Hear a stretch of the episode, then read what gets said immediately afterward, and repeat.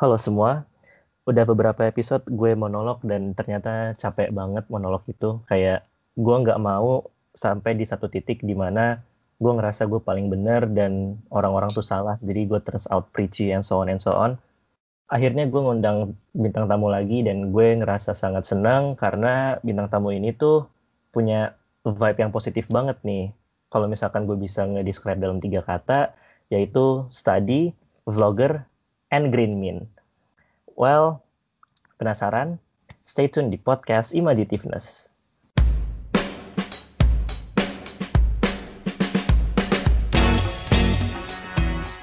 Bintang tamu gue hari ini adalah seorang study vlogger, mahasiswi sastra Prancis di Univ Brawijaya, dan dia tuh punya empat platform sosial media yang dia gunakan dengan sangat baik nih. Dimulai dari YouTube, Instagram, Twitter, sampai yang paling barunya TikTok. Di mana setiap lo kunjungin profilnya itu, lo bakal dapat pos positive vibes yang benar-benar kita butuhin karena hampir semua, nggak hampir semua, karena udah cukup banyak nih toxicity di social media yang kita kadang-kadang nggak bisa hindarin.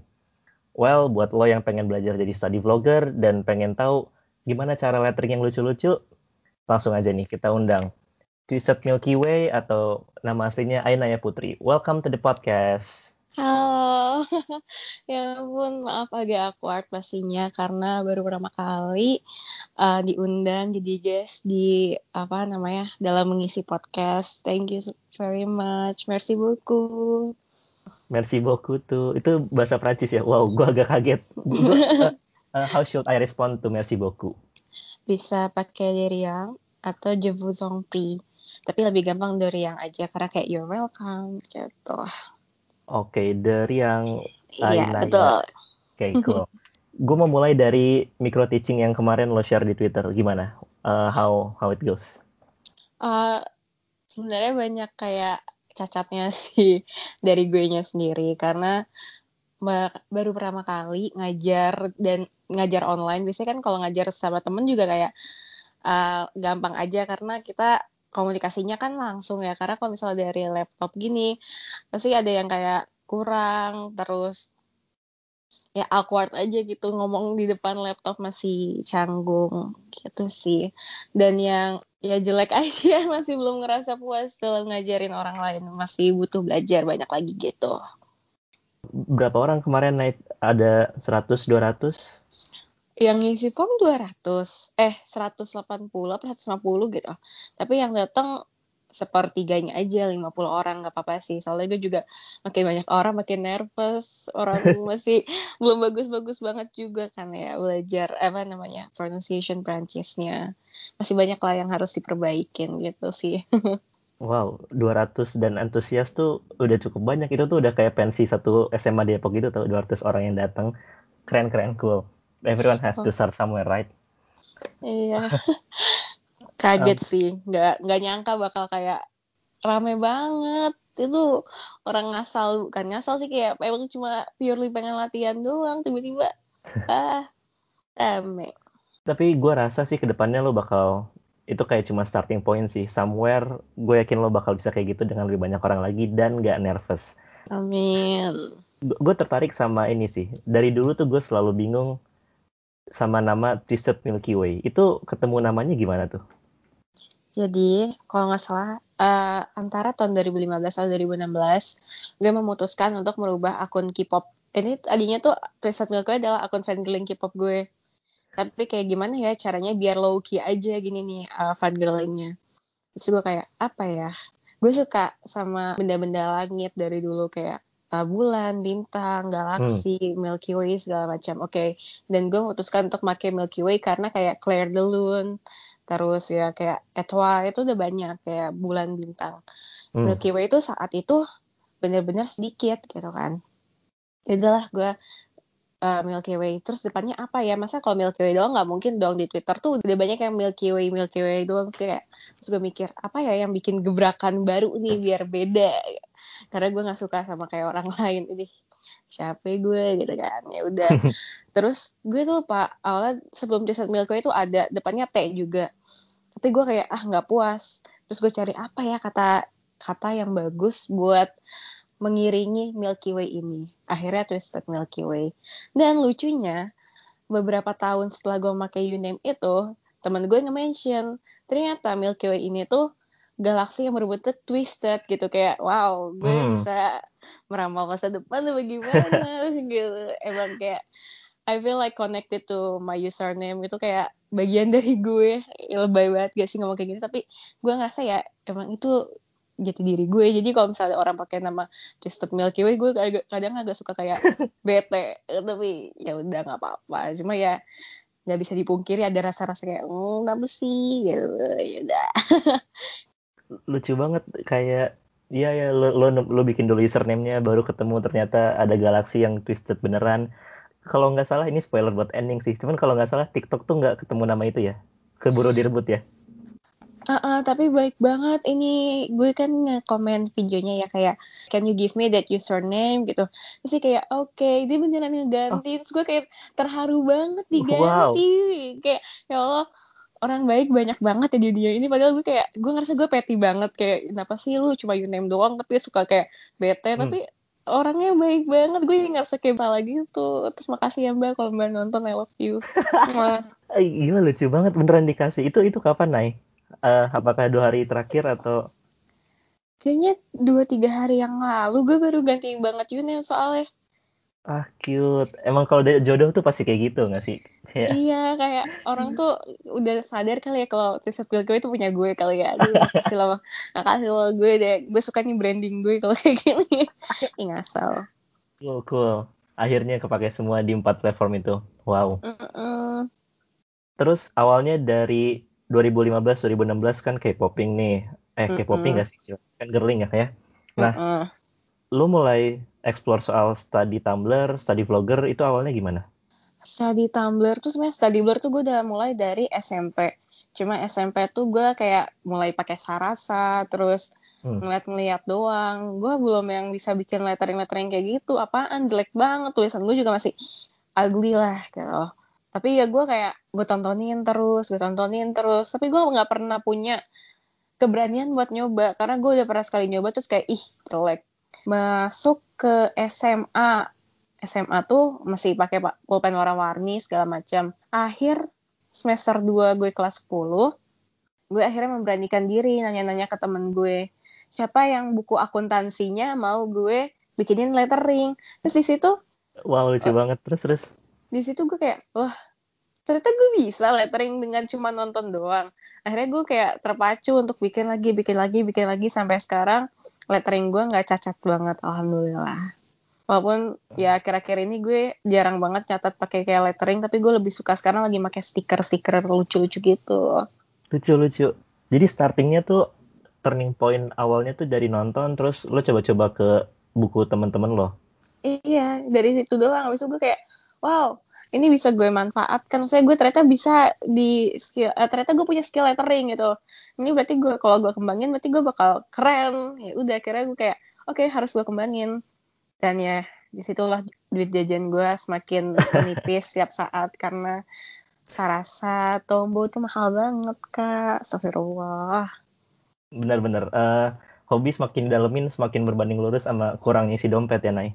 Betul banget. Uh, jadi turning point dari study Tumblr, I guess itu tahun berapa tuh Nay? 2006, 2017 juga atau? 2017, 2017. Dan 2000... itu uh, udah lo upload ke YouTube? Belum, gue tuh mulai YouTube gue kuliah, kuliah semester 2 apa kuliah semester 1 gitu. SMA cuma kayak planning dong, ah gue pengen punya YouTube pokoknya. Tapi belum yang kayak, ah mau filming, mau belajar ngedit video, segala macem. Wow, berarti 2019 kemarin dong starting pointnya ya? Eh gue kan ini apa kuliahnya kan lebih cepat daripada lu setahun. Gue 2018 kan. Oh cool, iya iya benar-benar. Gue lupa tuh soal itu. Jadi sums up-nya gimana nih timelinenya? 2017 lo start.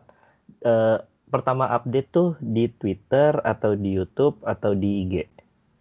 Di IG dulu. Abis itu gue kayak soalnya juga kan di Twitter dulu belum beneran 2017 tuh kayak nggak nggak rame habis hmm, gue coba betul. kayak 2018 gue coba nge-share catatan eh tahu-tahu hype-nya ada karena orang-orang juga udah mulai mengenal apa Studygram community ini makin besar sampai ke Twitter kan.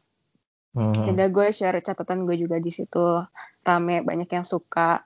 Akhirnya gue bertekad buat nge-scan semua catatan gue di situ.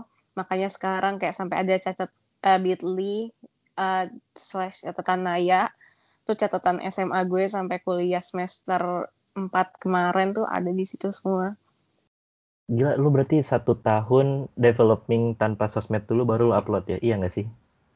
Iya, kayak nggak pede dulu tuh kayak ngelihat orang-orang kayak wow lettering lo bagus banget kapan gue bisa kayak gitu ya walaupun lettering gue kalau misalnya gue membandingkan diri gue sendiri sama orang lain masih jauh cuma apa ya ngerasa adalah peningkatan dari skill lettering gue. Terus lo ngelihat developmentnya sampai sekarang gimana nih? Bangga gak sih? Sampai sekarang tuh udah sampai punya branding sampai ada font sendiri.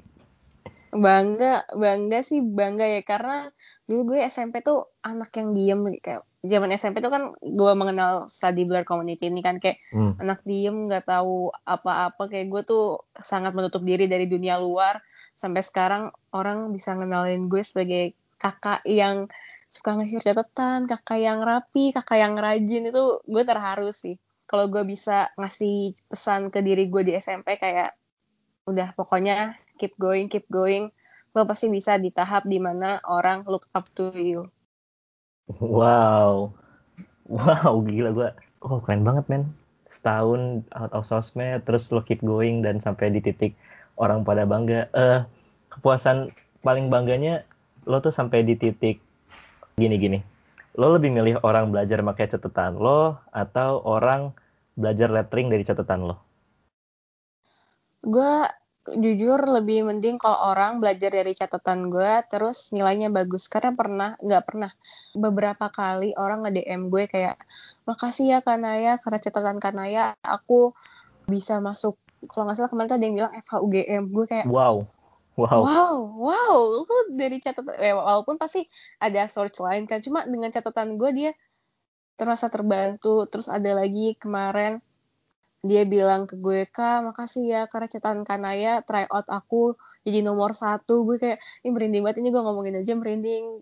Padahal sebenarnya itu bukan komplit apa ya completely dari gue. Maksudnya ilmunya pasti dari guru les gue guru sekolah hmm. gue segala macam. Cuma dari medium yang gue tuliskan dari medium yang gue sampaikan terus ternyata bisa kesebar ke orang lain itu catatan inten gue aja sampai diomongin guru inten gue malu banget gitu kan. Terus bisa ngebantu banyak orang yang anggaplah nggak bisa bimbel gitu. Itu gue bener-bener terharu banget sih.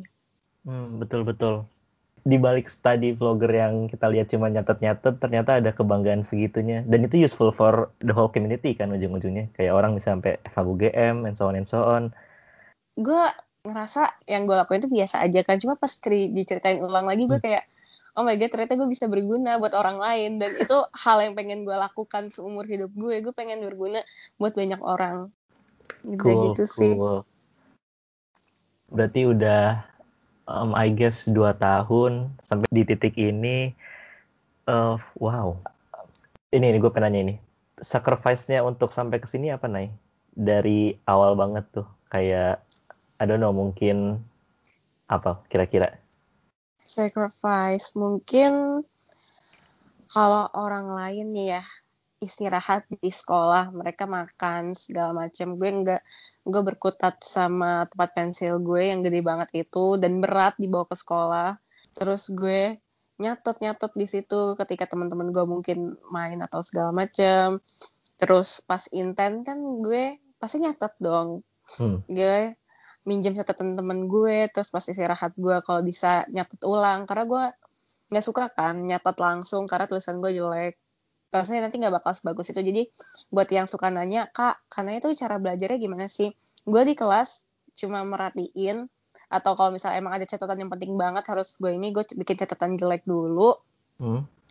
baru gue pas istirahatnya atau setelah kelas atau gimana gue baru nyatet catatan gue. Gitu sih. So, kayak banyak malam-malam gue kalau kebangun gue nyatet Wow. Bukannya apa namanya bukannya tidur atau main-main gue tuh SMA nggak jarang banget main-main makanya kuliah gue males gini kayak ya Allah such a shame. Kalau eh, gila kalau misalnya di kategoriin jadi tiga nih, yang paling most lu korbankan itu menurut lo ya, energi, time atau money? Energi. Kalau waktu gue kayak gue bodo amat dah. Gue nggak main ma gue nggak main, gue nggak nongkrong sama teman-teman segala macem. Yang penting ya yang gue lakuin ini yang gue suka. Jadi mending waktu gue tuh gue habiskan untuk ngelakuin hal yang gue suka daripada harus nongkrong-nongkrong ya pada saat itu. Kalau sekarang kebalik kayaknya. Udah baru baru ngerasa butuh bersosialisasi pas kuliah. gue pengen ngedalamin yang tadi deh. Kalau misalnya lo bangun pagi bangun malam tuh buat nulis istirahat buat nyatet segala macem kalau mm -hmm. kalau uh, kalau di vlog lo sekarang kan apa namanya a day in my life-nya nggak kayak gitu kan terus kalau mm. SMA day in my life-nya gimana tuh dari pagi sampai jam berapa malam istirahat jam berapa gitu gitu jadi gue gue kan SMA 2 tahun doang nih hmm. jadi buat yang dulu waktu semester 1 semester 2 nya alias gue kelas 10 nya gue bangun tidur itu jam 4.45 4.45 apa 4.30 gitu. Habis itu gue mandi sholat segala macam sarapan. Setengah enam gue berangkat ke sekolah karena gue rumah di Depok sekolah gue di Cijantung. Eh, sebentar ada di gue. gue pakai stansi deh ikut dia bentar gue lagi lagi ngisi podcast bentar tolong ya. Anak sorry gue ketawa iya ini ada ponakan gue tiba-tiba Bim bilang halo da Hai. Nah, dadah gitu. Ya gitulah kehidupan keluarga yang cukup ramai ya. Jadi pasti ada distraksinya. Uh, jadi awal mulanya eh gue bangun pokoknya setengah lima ya setengah lima. Setengah lima gue bangun sholat mandi sarapan ke sekolah setengah enam. Dari setengah enam ini gue nyampe sekolah jam enam. Gue dan sekolah gue ini rada-rada kejam ya. Mulai KBM itu jam setengah tujuh kurang sepuluh menit. Enam dua puluh ya Allah. Kalau dipikir-pikir kuat juga gue gitu kan. Enam dua puluh gue selesai sekolah itu jam tiga jam tiga pokoknya setengah empat tuh udah selesai sholat pasar kan setengah empat. Hmm. oke okay, kalau karena gue dulu osis jadi pasti aja ada rapat osis yang mengharuskan stay di sekolah sampai jam seenggaknya jam 6 atau setengah tujuh paling lama. Itu kegiatan gue selama kelas 10 semester 3 4 alias kelas 11 kelas 12 gue gue mulai inten itu gue inten Senin Rabu Jumat ini kegiatan gue selama Senin Rabu Jumat ya kayak tadi. Jam setengah lima gue udah harus di inten karena inten udah mulai. Hmm. setengah lima gue selesai yang kelas pertama itu kan jam 6 jam 6 biasanya gue kalau nggak makan nyatet ya makan atau nggak nyatet karena kalau nggak makan gue mati kayaknya. Tidak okay. bisa melanjutkan kehidupan gue dengan baik nih. Lanjut uh, berarti selesai jam 8 kan nih intent gue. Oke. Okay.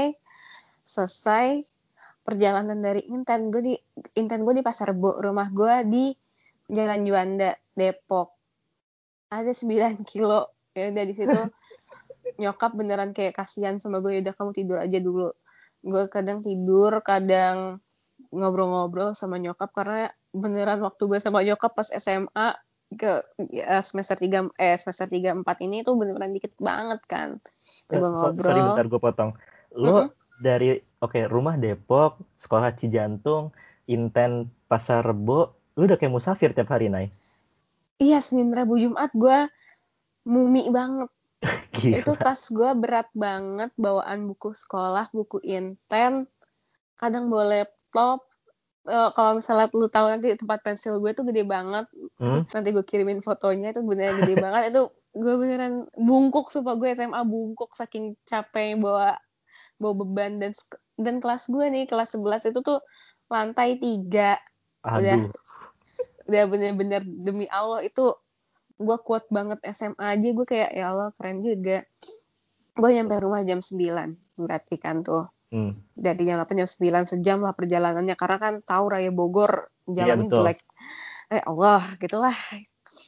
jam 9 gue mandi kadang kalau misalnya gue capek banget gue tidur tapi gue selalu ngusahain bangun ini kalau pas ini zaman-zaman udah ini sih jatuhnya bangun jam 3 subuh itu buat belajar zaman-zaman udah ujian sekolah dan udah mendekati SBMPTN jadi ya hmm. Gitu. Gue tidur dikit banget. Kantong mata gue hitam banget. Hmm. alhamdulillah. Akhirnya perjuangan gue SMA 2 tahun membuahkan gue menjadi mahasiswi sastra Prancis yang udah gue idam-idamkan dari SMA akhirnya kayak kesampaian juga mimpi gue dengan melakukan rutinitas gila itu selama 2 tahun. Kalau inget gimana orang tuh kan selalu stigma SMA tuh yang kayak you know high school yang dumb and broke and so on and so on. Tuh kayak you've been productive dari SMA gue gue nggak tahu sih kalau misalnya orang nganggep produktif ya gue produktif. Tapi di mata gue gue kayak masih kurang aja. Gue uh. gak apa apa go on go on. Ya ya gue ngerasa kayak ya perjuangan gue dibanding anak-anak lain kurang. Nggak ada apa-apanya. Gue selalu nggak mikir kayak gitu sih. Apa gue yang terlalu keras sama diri sendiri atau gimana? Gue juga nah, gitu. Gue nganggap ya diri gue kurang aja. Person yang you look up to tuh siapa nih dengan segala rutinitas itu? Hmm. Gue kalau misalnya ditanya siapa ya orang yang menginspirasi lo atau orang yang bikin lo belajar kayak gini gue nggak ada. Gue nggak ada kayak ya gue kerja keras ya buat diri gue sendiri bukan karena orang lain atau terpengaruh orang lain yang pokoknya yang bikin gue kuat yang bikin gue maju terus ya mimpi-mimpi gue yang masih belum tercapai sekarang ini. Hmm.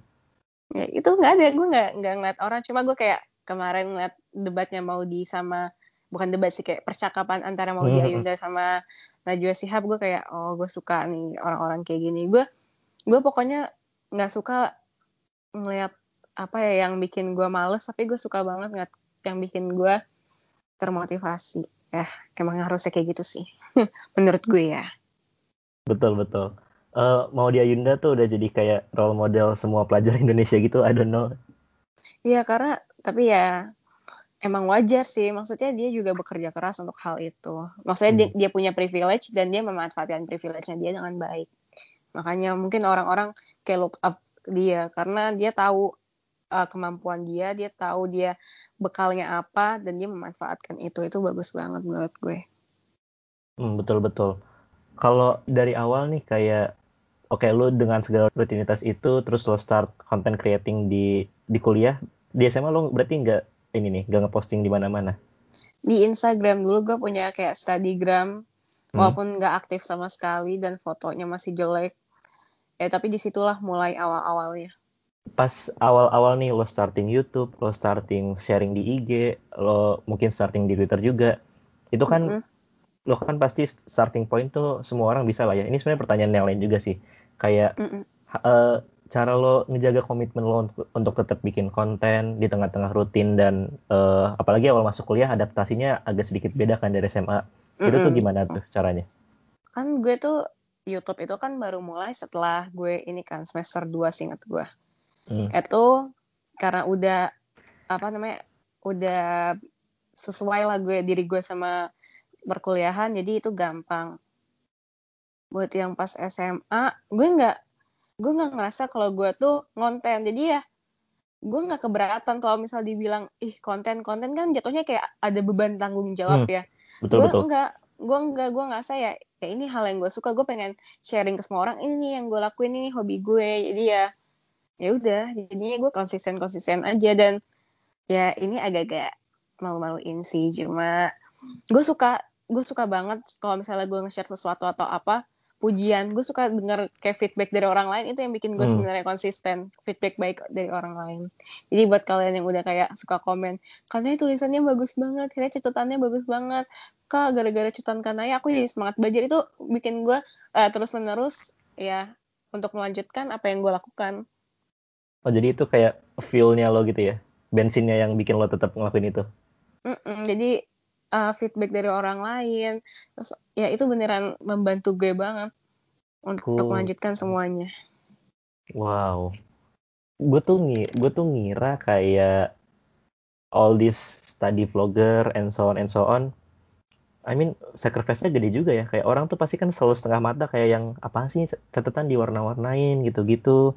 Uh, orang juga ujung-ujung lihat nilai doang yang so on and so on. Padahal mereka tuh nggak ngelihat this apa ya perjuangan yang dilakuin gitu ya? Ya karena emang orang tuh bakal selalu ngeliat hasil akhirnya aja. Ya yang di belakang-belakangnya mereka nggak begitu peduli kecuali emang kalau mereka udah ngikutin dari awal. Gue nggak masalah sih kalau misalnya kayak gitu. Cuma ya hati-hati aja sama omongan sendiri. Karena nggak semua orang punya hati yang kuat dalam menghadapi hmm. ih lu catatan bagus-bagus buat apa nggak semua orang tuh bisa karena mulainya pun nggak gampang gitu loh pasti banyak kayak mereka nggak makan beberapa hari atau uang jajannya dia sisihin buat beli brush pen itu tuh hmm. jangan disepelein itu ada ada air mata lah di balik semua perjuangan orang lain dan itu buat lo pribadi dikombin sama jadi anak sastra yang stigmanya cuman translator, bikin buku, penulis itu gimana rasanya, Nay? Jujur ya, jujur banget, gue nggak pernah nemu orang yang kayak nyepelein kuliah sastra. Maksudnya di hmm. internet ya. Hmm. Kalau misalnya kemarin yang lucu tuh pas awal banget nyampe Malang. Dia sama supir taksinya gitu kan, Mbak. Hmm kuliah di UB iya maba gitu kan oh jurusan apa gitu kan sastra Perancis terus kayak oh gitu gue turun kalau nggak salah dia ngomong sama mak gue. Itu anaknya uh, milih sastra Perancis biar dapat PTN ya. Padahal kayak oh, wow. Padahal gue kayak ya mungkin karena dia nggak tahu kali ya. Gue hmm. kayak ya udah lah gue coba positive thinking. Cuma ini yang perlu kalian tanemin gitu. Kuliah sastra itu nggak semata-mata karena orang tuh ya udahlah yang penting kuliah. Karena emang kuliah sastra tuh belajarnya lumayan luas. Ada sejarahnya kita belajar sejarah apresiasi belajar budayanya juga. Bukan semata-mata kita kayak IV doang gitu nggak kayak IF pokoknya ya kompleks belajar uh, kuliah sastra tuh lebih kompleks daripada yang kalian pikirkan. Ini jangan nyepelein kayak ah lu kuliah sastra doang. Enggak semua kuliah tuh sama-sama capek. Nggak ada belajar yang nggak capek. Tapi betul betul. Terus ya hargain hargain pilihan orang lain. Jangan karena misalnya nggak masuk jurusan yang peminatnya banyak bukan berarti ya kita masuk karena pengen gampangnya doang. Enggak lah. Ya karena emang udah passion. Nggak uh, semua orang passionnya tuh di bidang STEM dan uh, apa namanya kayak hukum gitu loh. Lo berarti awal masuk lo milih sasper tuh gara-gara apa nih gue suka culture Prancis udah lama ya. Karena dulu apa namanya bokap tuh sering beliin buku Y gitu kan. Di situ pasti hmm. kayak banyak lah orang menyinggung uh, di komik-komik gue itu pasti banyak tokoh-tokoh Prancis. Gue kayak di situ wah gue interest. Tapi kelas 8 ini pilihan gue tuh masih psikologi. Sampai gue tahu ternyata sekolahnya lama kan harus S2 dan gue research matkulnya ada statistika. Gue lemah banget di matematika akhirnya tahun 2016 ada nih teman Twitter gue namanya Kafai dia keterima di sastra Prancis juga. Terus hmm. dia cerita-cerita. Gue kayak wow seru ya. Lama-lama gue nyari-nyari sendiri mata kuliah sastra Prancis itu apa? Apa apa sih yang dipelajari sastra Prancis? Oh ternyata dia belajar budayanya juga. Dia belajar sejarahnya juga. Ya karena yang bikin gue ternyata eh yang bikin gue milih sastra sebenarnya adalah budaya dan sejarahnya sastra Prancis makanya gue nggak milih sastra Belanda sastra Jerman ya karena Belanda atau Jerman tuh nggak menarik gue nggak menarik gue latar belakangnya apa historinya mereka. Terus ya alasan gue milih sastra Prancis ya budaya mereka. Soalnya tuh kayak beberapa ada yang nanya kayaknya ini orang pengen masuk sastra Prancis sih. Jadi kayak kenapa milih sastra Prancis kenapa milih di univ ini so on and so on. Cool mm -hmm. cool emang sih kayak kayak kiblatnya culture nggak sih Prancis tuh menurut lo? Iya kayak seru aja kayak kalau lo belajar apa coba mengenal Prancis dia tuh fashionnya uh, seru. Maksudnya seru untuk di apa telaah kayak Paris Fashion Week gitu kan. Hmm. terus sejarahnya juga menarik. Terus makanan mereka. Terus um, wilayah-wilayah mereka tuh menghasilkan apa aja itu tuh seru banget. Kan apalagi kayak misalnya kalian ke outlet di mall tuh L'Occitane, Hmm. Provence terus di Provence tuh emang ada apa aja kok sampai dia bisa menghasilkan kayak produk-produk skincare macam si L'Occitane itu. Itu seru sih. Gue suka belajar tentang latar belakang atau budaya sejarahnya dari daerah-daerahnya gitu. Widih gila. Em, berarti I can say kalau misalnya ada yang memperdalam tentang sastra Prancis, boleh banget nih nanya di Twitter lo mungkin. Ah, sebenarnya kalau sastra Prancis sih gue jarang banget. Gue lebih suka kalau orang nanya tuh di Curious Cat ya, biar sekalian Oh iya, semua betul. orang semua orang kayak lihat gitu.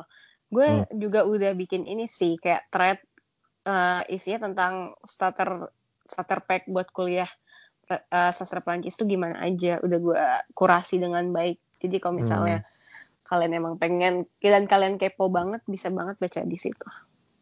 Cool, cool. Tuh buat pendengar-pendengar, ntar tuh yang penasaran, terus ngelihat, oke episode Milky Way, Sasper, bahas belajar apa aja sih? Bener nggak sih cuman end up eh, buat dapat PTN doang? Enggak jawabannya. Enggak lah. Em, gue pengen balikin lagi ke study vlogger yang gue rasa udah melekat di diri lo banget sih, branding lo. Oh my god. Em, Oke. Dengan apa ya? Kalau nggak salah tuh punya mah juga nggak sih? Yes, mah gue parah banget. Udah sampai dispepsia dua kali nih dirawat selama kuliah. Selama kuliah ini udah dua kali. Iya, udah dua kali gue dirawat semester 3 sama semester 4. Nggak jelas. Oke, eh, lo, lo sekarang semester berapa nih berarti? Lima ya? Semester 5. Doain ya biar tahun depan gue deskripsian. Amin ya Allah. Amin. Em, dengan oke, lo punya mah, lo keep on apa maintain social content lo, and so on and so on. Terus time management lo di kuliah ini kayak gimana caranya nih ngatur waktu antara belajar, nugas, sama kreatif proses? Menurut lo itu gimana dalam 24 jam? Hmm, kalau ini gue ngambil contoh pas belum COVID aja ya. Hmm. Jadi sebelum COVID ini, gue kuliah biasanya siang mulai dari jam 9 sampai jam 3. Hmm. Di jam 9 jam 3, gue biasanya sama teman-teman gue suka belajar bareng. Biasanya sih ini di kafe karena kafe di Malang kan enak ya. Nah di situ gue kayak belajar-belajar bareng, kayak diskusi. Oh kenapa sih kayak harus kayak gini? Kenapa sih dia begini? Terus nyatet gue sampai bawa apa namanya papan jalan sendiri karena Hmm, cool, nggak cool. bakal enak. Terus habis itu biasanya pulang jam 10, jam 11, tidur deh, siap-siap buat kelas besok. Nah, pasti kan di tengah-tengah rutin lo juga nih, kayak dengan yang tadi lo ceritain nih, eh, belajar bareng, and so on, and so on. Terus Mm-mm. cara lo menghadapi distraction tuh kayak Netflix, Twitter, itu gimana tuh, Nay? Kalau Netflix, alhamdulillahnya pas gua kuliah kemarin dan di kos gua wifi-nya pakai IndiHome.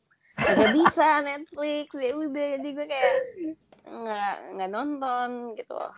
Buat Twitter, ya udah. Maksudnya Twitter kan bukan kayak 24 jam harus gue pantengin gitu, jadi nggak masalah. Nggak ada yang benar-benar membuat gue kayak terdistraksi banget gitu sih. PJJ ini nih, kuliah online ini yang gue bener-bener demot mati-matian kayak aduh gimana cara balikin motivasi gue kayak dulu lagi tuh yang rada-rada susah. Eh, apakah lo udah ketemu jawabannya? Eh jujur enggak. Tapi kalau misalnya gue lihat dari pattern gue yang rajin, kadang rajin terus males, rajin males tuh yang Hmm. penting gue harus bahagia dulu. Gue Oh, kan cool.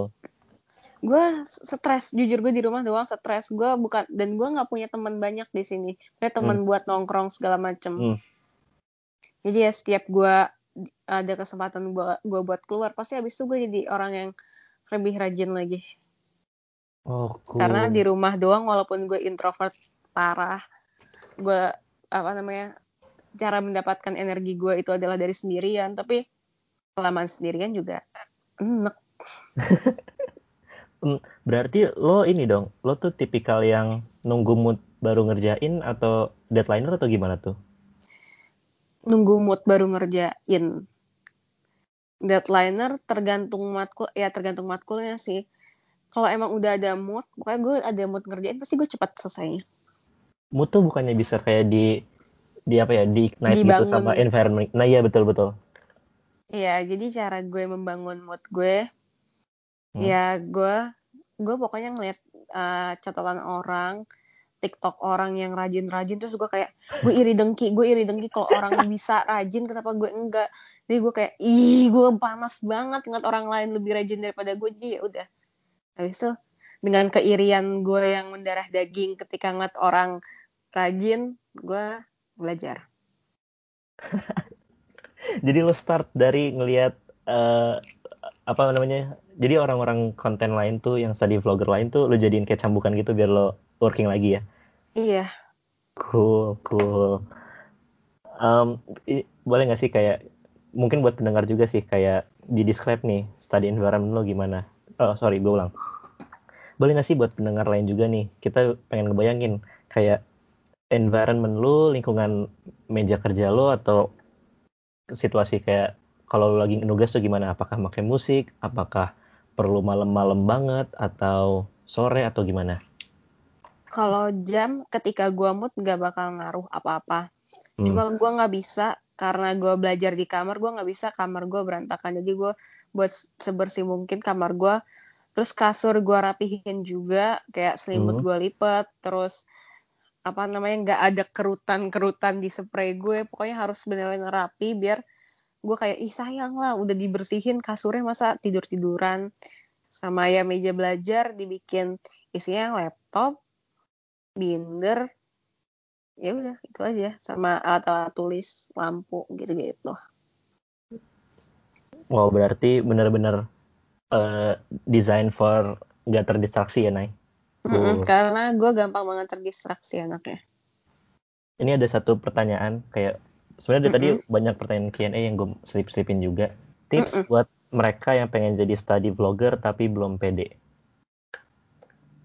Eh tanam sumpah PD itu penting jadi ditanam dulu PD-nya kayak kalau lu pede itu tuh kerasa ke orang-orang lain kayak confidence lu tuh bakal nular. Jadi mungkin untuk kalau menurut gue ya mungkin coba buat love yourself dulu love what you are doing.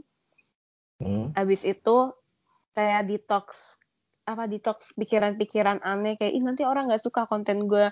Nggak pasti ada. Nggak mungkin dari berapa juta orang di bumi ini masa semuanya benci sama konten lu nggak mungkin. Hmm, betul betul. Ini nyambung sama lettering sih. Gue selalu bingung Mm-mm. sama kayak gini. Jadi kan kayak lettering tuh kan emang sebebas orangnya kan. Maksud gue Mm-mm. eh, ada nih orang-orang yang merasa pengen lettering tapi nggak ngerasa apa namanya, nggak ngerasa art enough, nggak ngerasa Mm-mm. eh, dirinya tuh kreatif enough. Padahal nih ya menurut gue orang Indonesia tuh kreatif kreatif banget nih. Kayak emang lo lo pernah nggak ngelihat ondel-ondel tapi lagunya Alan Walker? Terus atau kayak gue tuh waktu itu ngelihat ondel-ondel lagu Alan Walker, terus ngelihat the creativity-nya em, yang Mm-mm. banjir bisa diapa-apain. Gue tuh mikir kayak oke, gue nggak bakal kaget misalnya nanti suatu saat ada Saman pakai lagu JKT48 misalnya kayak I don't di know, remix gitu ya ya heavy rotation terus atau Korea, I don't know. Soalnya menurut gue kayak orang-orang Indonesia kreatif kreatif banget men. Menurut lo gimana tuh dengan nanggepin orang-orang yang ngerasa ah gue nggak seni anaknya, gue nggak kreatif. Eh, udah lanjutin aja. Nanti ada kok titik di mana kalian ngerasa oh gue keren juga kok. Jadi jangan apa ya jangan terlalu keras sama diri sendiri. Kayak gue tuh kreatif gue nggak ini.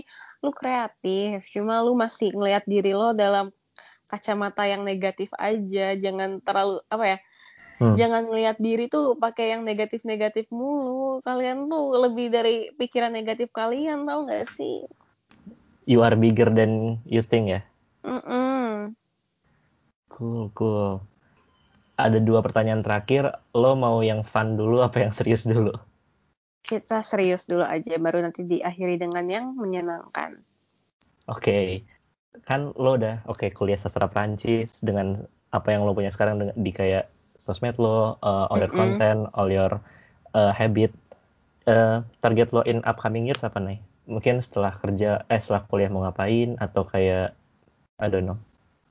setelah kuliah gue rencana mau lanjut langsung S2 karena gue Hmm. takut kalau misalnya gue ada jeda gue males Hmm. sedangkan kalau kalau misalnya gue nggak nggak pernah ngerasa cukup kalau misalnya kuliah S1 doang dengan alhamdulillah orang tua gue masih punya rezeki yang cukup terus gue juga udah mulai kerja sendiri ya gue mau melanjutkan itu melanjutkan harus S2 dan setelah S2 gue pengen jadi tenaga pengajar. Pengen banget. Karena gue Hmm. suka sharing ilmu kan. Jadi gue ngerasa kalau misalnya gue pintar sendiri itu nggak bakal nggak bakal berguna hidup gue gue pengen orang lain juga pintar. Eh, gue rasa starting pointnya yang micro teaching kemarin sih. iya. Emang mata kuliah dasar pengajaran bahasa Prancis ini tuh bikin gue akhirnya wow jadi gini ya jadi dosen ternyata susah buat interaksi sama anak murid bikin murid lo tertarik sama materi yang lo pelajarin jadi please ya teman-teman walaupun emang ada emang ada pasti gue yakin guru yang emang nyebelin atau dosen yang emang nyebelin tapi hargain dosen lo yang bener-bener serius buat ngajarin lo itu susah jujur susah banget Betul betul. Respect your teacher and so on. Keren sih lo kepikiran sampai jadi tenaga pengajar and so on. Ini pertanyaan lucu banget. apa tuh Ini gue bacain ya. Apa Oke. warna favorit Naya dan kenapa hijau min? Geisha. Geisha, Geisha. Favorit gue hijau mint itu karena gue menemukan ketenangan ketika ngeliat warna itu. Ketika dulu gue sebelum gue suka warna hijau mint, gue suka banget warna ungu. Sampai sarasnya gue ungu, ungu, ungu, ungu, ungu. Hmm. Tapi ya udah, gue bosen. Terus ketika gue ngeliat warna hijau tuh, hijau tuh ya sama kayak warna lain juga sih. Dia punya berapa banyak shade. Dan menurut gue selain hijau poverty, sorry banget guys. hijau tuh me- menenangkan banget. Dan bener-bener bikin mood gue membaik. Makanya gue membuat kamar gue hijau semua ya. Karena ketika gue bangun ngeliat warna hijau, pikiran gue jadi kayak ah tenang. Dengan gue pakai baju warna hijau, gue kayak enak pikiran apa ya Hmm. isi pikiran gue tuh lega aja kayak dia ah, supaya susah banget dijelasinnya ya intinya membuat make me feel something lah warna hijau itu nggak seperti warna lainnya ya lebay banget tapi ya gitulah intinya Dan hijau tuh gue setuju banget sama lo bilang kayak bikin lo tenang. Hijau tuh warna nature juga gak sih, Nay? Mm-mm. jadi karena kita hidup di kota kali ya yang jarang banget ada sawah Betul. pegunungan juga ya Allah ke Bogor macet gitu kan jadi ya gue membawa apa ya membawa nature ke dalam ya elemen-elemen yang ada di dekat gue Hmm, I, I guess ini ini gue bakal tebakan ngasal sih, tapi Mm-mm. lo udah mulai ini nggak ini juga nggak sih eh ngoleksi tanaman gitu since pandemic ini? jujur sebenarnya ini tuh awalnya gue ngebantu temen gue tapi gue emang dari apa ya gue ngefollow juga di Instagram tuh orang yang sering sharing tentang tanaman eh ketika gue sering apa nyimak storynya dia story Instagramnya temen gue minta dibantuin untuk apa namanya promosiin jualannya. Gue kayak oke. Lagian dia warnanya hijau tanaman warna hijau. Gue suka warna hijau. Ya udah gak mungkin gue tolak gitu kan. Udah membantu teman bisa membuat kamar gue jadi lebih cantik. Lama-lama jadi kayak punya connection aja sama tanaman-tanaman gue. Kayak gue Hmm. ngasih mereka afirmasi yang positif kayak selamat pagi teman tanaman-tanaman aku anak-anak aku. Mereka juga ngasih apa namanya positif feedback ke gue dengan cara mereka tumbuh dengan baik walaupun di dalam kamar gue gitu Al jadi kayak punya anak gitu nggak sih? Lucu banget. iya jadi anak gue gue dari kuliah udah punya anak ya nih ya tanaman-tanaman gue Ah lucu lucu. Oke, lo udah ceritain soal target and so on and so on. Em, Hmm. promotion time nih. Eh, soal pop socket lo sama Dasha itu awalnya ceritain dong awal collabnya gimana, terus eh, how's it going itu gimana? Kayak apakah lo ngedesain dia yang bikin atau gimana? Jadi buat pop socket, eh, pop socket yang Haikyuu ya, karena kalau pop socket yang Ghibli itu beda lagi ceritanya. Hmm. Jadi kalau misalnya yang Haikyuu ini, orang-orang kayak demand kan, kayak ngomong gini ke gue, nah ya ayo dong bikin pop socket Haikyuu. Dan itu nggak nggak satu dua orang. Akhirnya gue kayak, oke let's give a try gitu kan. Hmm. Gue ngomong di apa namanya personal Twitter gue siapa nih yang mau apa namanya jadi ilustrator pop socket Haikyuu gitu kan terus Desha langsung kayak nah aku mau gitu terus gue kayak Desha ini juga orang yang berpotensi gue nggak hmm. mau me, apa namanya dia punya potensi tapi nggak kepake gitu. Akhirnya gue kayak oke okay, ayo Desha jadi kita konsep kira-kira apa aja gitu. Apa aja packagingnya kayak gimana. Jadi gue tuh lebih yang kayak ngurusin perintilan kayak pro, manu eh manufaktur produksi pop socketnya produksi packagingnya gue yang nge segala macam Dasya yang gambar jadi Dasya ilustrasinya gue anggaplah pabrik segala macamnya. Uh, we'll get back to pop socket tapi sebelum -huh. itu uh, untuk teman-teman nanti langsung bisa di follow buat yang pengen lebih tahu lagi soal Ainaya Putri dan kehidupan Twisted Milky Way-nya yang gila TikTok bisa dikasih nama itu keren banget emang berjodoh kan nama nama Twisted Milky Way itu ditakdir kayak udah terjodoh sama nama lu dah. Um, apa nih YouTube lo bisa di follow bisa di subscribe YouTube-nya Ainaya Putri Instagram di mau Ainaya Putri atau? Instagram itu Ainaya Putri juga tapi kalau misalnya so di Instagram yang nggak kepake ya udah nggak kepake sih karena gue udah jarang ngepost itu twisted dot milky way. Um, hmm. TikTok twisted milky way juga. Jadi yang twisted dot milky way cuma Instagram saya di Instagram. Sama TikTok eh TikTok udah hmm, Shopee-nya Aina ya atau bisa jadi milky way juga ini terakhir banget spoiler dong kira-kira ada upcoming project apa nih mau dari platform lo atau dari PopSocket lo? Boleh nggak sih di spoilerin dikit? Hmm, paling kalau misalnya buat YouTube, ya gue pasti bakal cost room tour lagi. Cuma kayaknya gue bakal hiatus dulu nge-YouTube sampai gue nemu konten lagi atau mungkin gue bikin day in my life lagi gue takut orang pada bosan nonton day in my life mulu jadi makanya kan gue pindah ke TikTok yang bisa bikin video lebih pendek hmm. untuk sama Desha yang Haikyuu Haikyuan itu bakal bikin stiker sama gantungan kunci. Buat kalian yang sering request kayak kak bikin pop socket lain, maaf tapi aku mau fokus dulu di Haikyuu begitu. Wah ngelebarin sayap nih rasa-rasanya sampai ke gantungan kunci sama stiker. Cool, cool, keren banget. Alhamdulillah. Ada demandnya juga, jadi ya kayak mencari ini lah kalau misalnya ada ada yang ngasih kesempatan nih harus ditarik. Uh, jadi dari tadi kita bisa ngomongin hobi menguras dompet sampai hobi balikin isi dompet ya Nay. Alhamdulillahirobbilalamin. Uh, Oke okay, Naya, thank you. It's been fun talking to you. Gila gue yeah, dapat banyak banget insight. Hmm, uh, thank you banget Nay udah nyempetin datang and so on.